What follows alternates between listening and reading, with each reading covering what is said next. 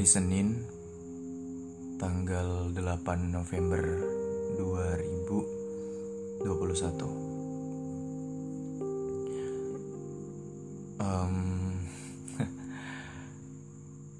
Saya Saya tidak tahu Ingin memulai cerita ini dengan cara seperti apa. Saya tidak tahu Harus mulai cerita ini Dari mana sebenarnya Kayak Saya cuma pengen cerita Tentang seseorang Seseorang yang cukup saya kenal Seseorang yang Sangat baik saya tahu tentang dia saya cukup lama mengenal dia. Bahkan saya cukup dekat dengan seseorang ini. Seseorang yang menurut saya cukup unik dengan pemikiran-pemikirannya. Seseorang yang cukup unik dengan hal-hal yang selalu muncul dari dalam pikirannya. Ya, kayak um, banyak pertanyaan yang dia munculkan sama saya banyak pertanyaan yang dia tanyakan sama saya um, kayak tentang kegelisahan dia yang pernah dia alamin.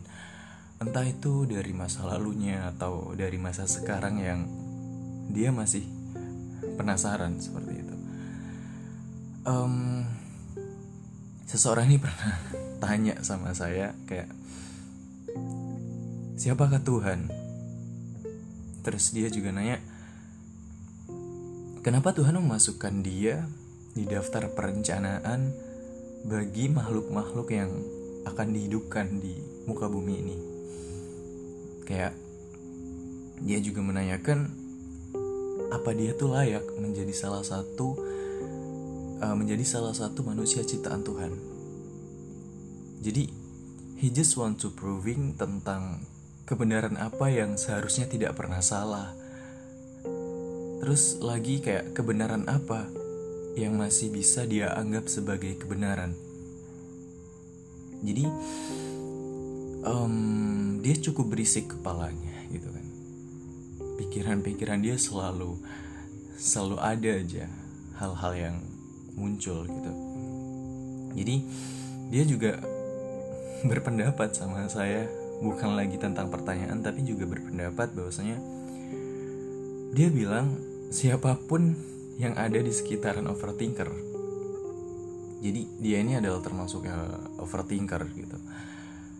Kata dia siapa pun yang ada di sekitaran overthinker mereka tuh orang-orang itu sebenarnya nggak bisa nyakitin dia gitu.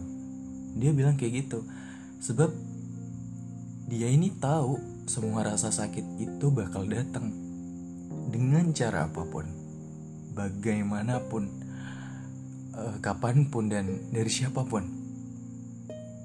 Jadi dia beranggapan kalau orang-orang ini nggak akan nyakitin gue gitu, sebab gue udah tahu gitu rasa sakit itu pasti akan datang gitu. Kayak saya sedikit bingung di situ apa yang dia maksud seseorang yang ada di sekitaran dia nggak bisa nyakitin dia dan dia juga bilang dia ya hanya tahu bahwa rasa sakit itu pasti. Dan yang saya pahami adalah um, semua rasa sakit itu dilimpahin kepada dirinya sendiri. Kayak ini bukan dari orang-orang. Ini bukan dari mana pun, tapi ini dari diriku sendiri.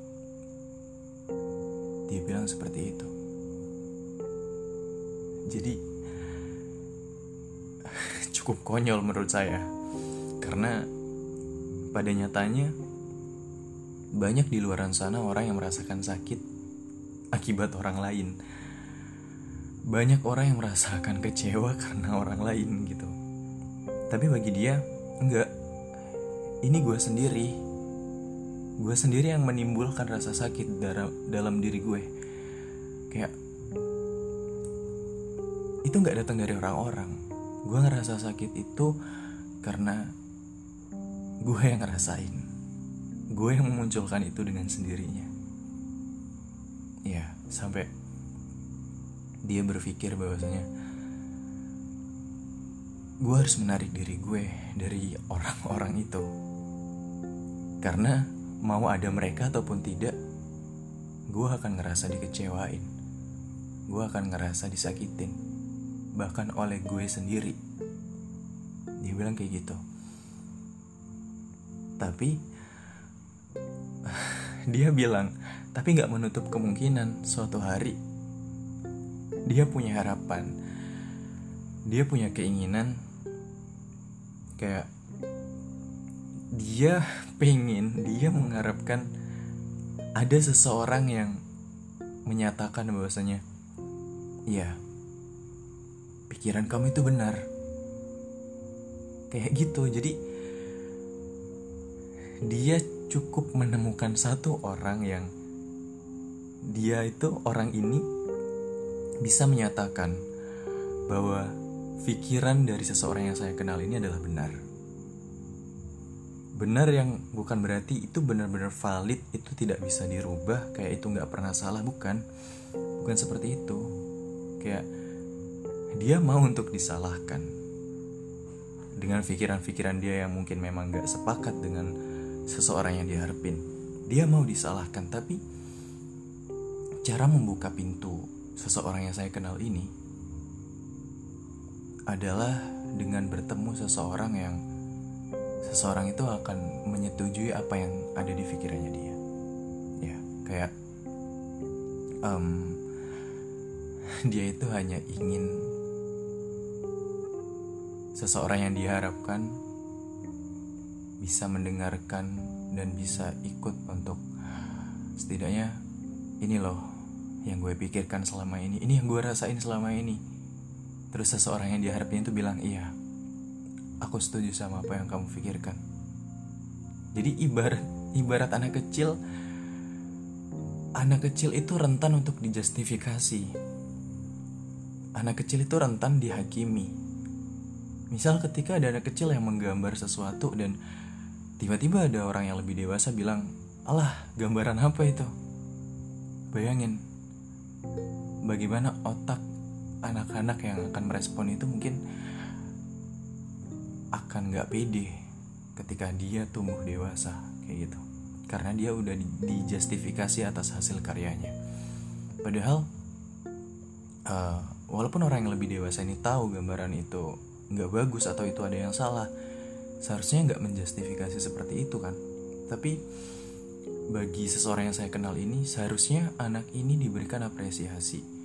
Dan dia diarahkan. Kayak dibilang oh gambarnya bagus ya tapi kayaknya lebih bagus deh kalau akan ditambahin warna ini ditambahin objek ini. Dia pengen seperti itu. Kayak dia sadar pikiran dia masih terpaku um, ke memori masa lalu masa kecil gitu. Karena seseorang ini nggak pernah diapresiasi sama sekali gitu di masa kecilnya.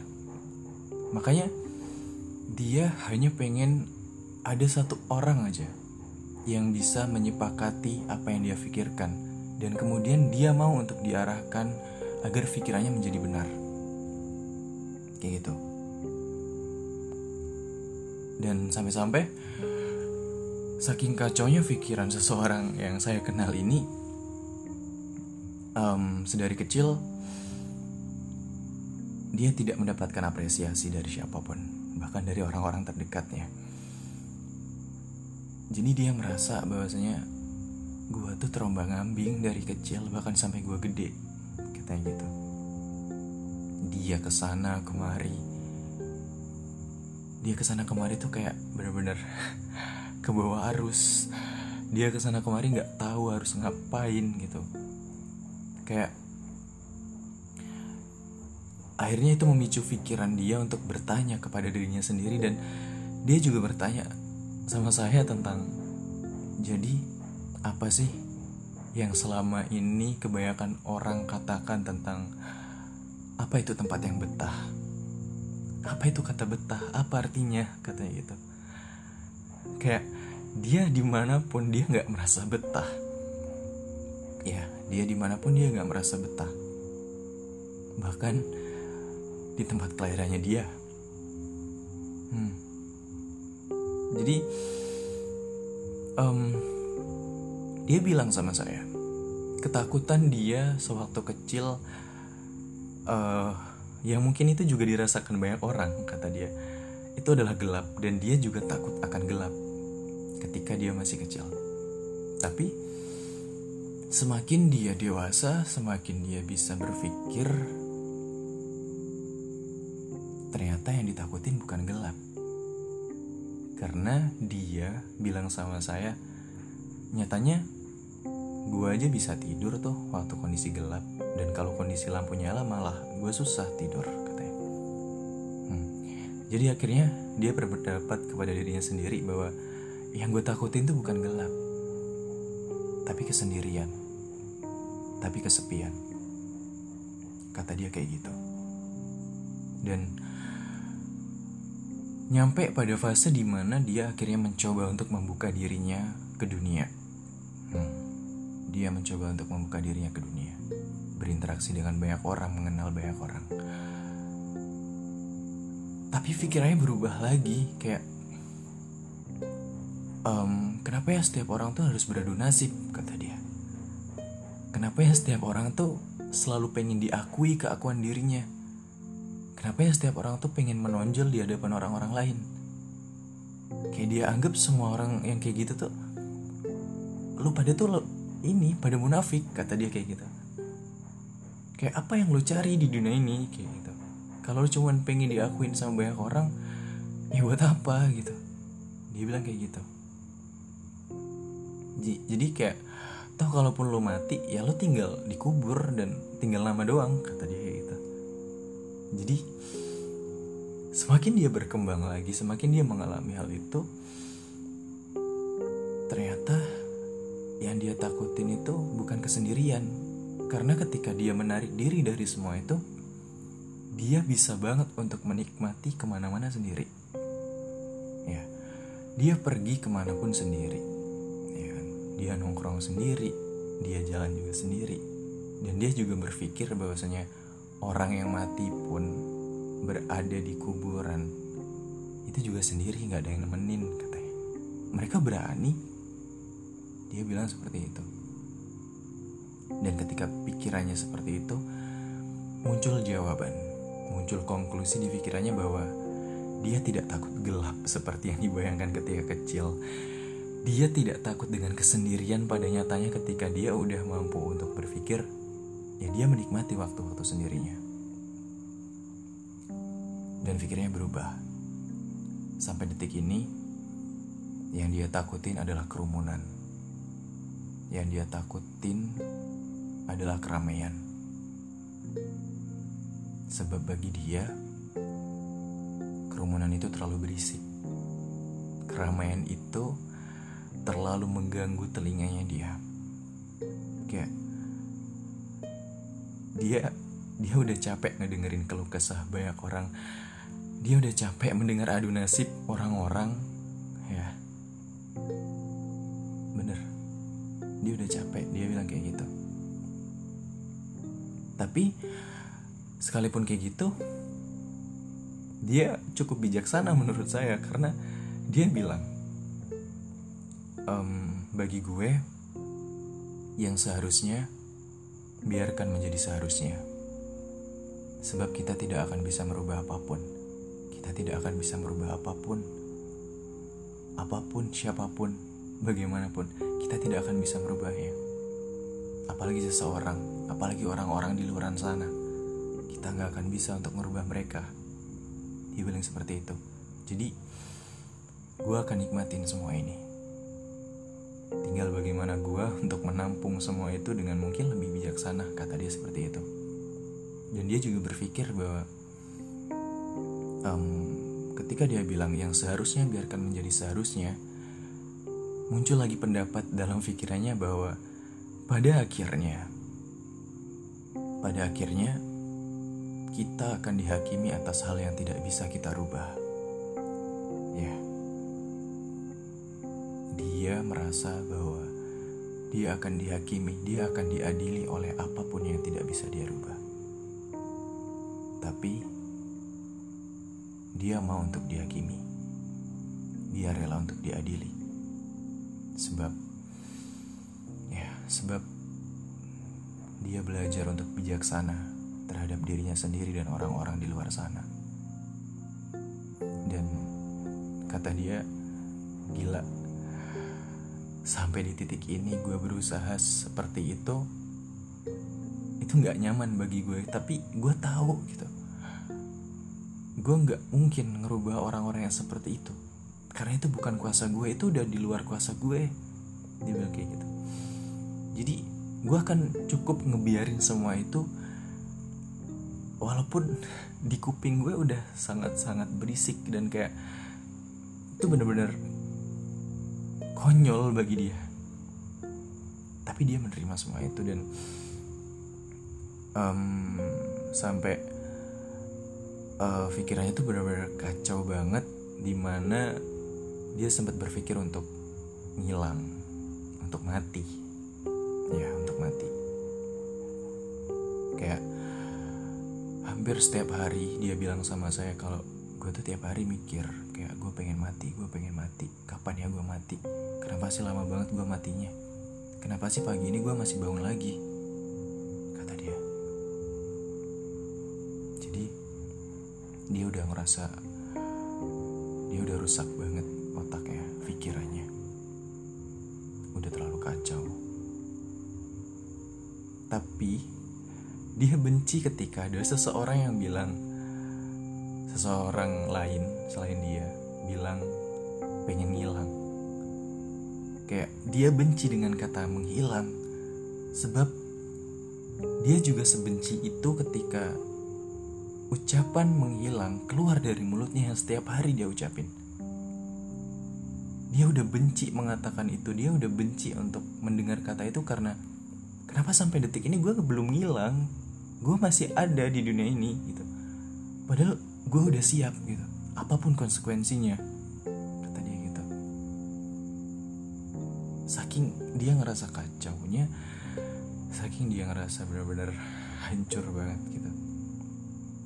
Jadi bukan bermaksud dia takut sama kehilangan gitu loh. Kayak ya seharusnya kata dia ya seharusnya gue nggak pernah takut sama kata kehilangan gitu. Kayak gue udah siap gitu loh.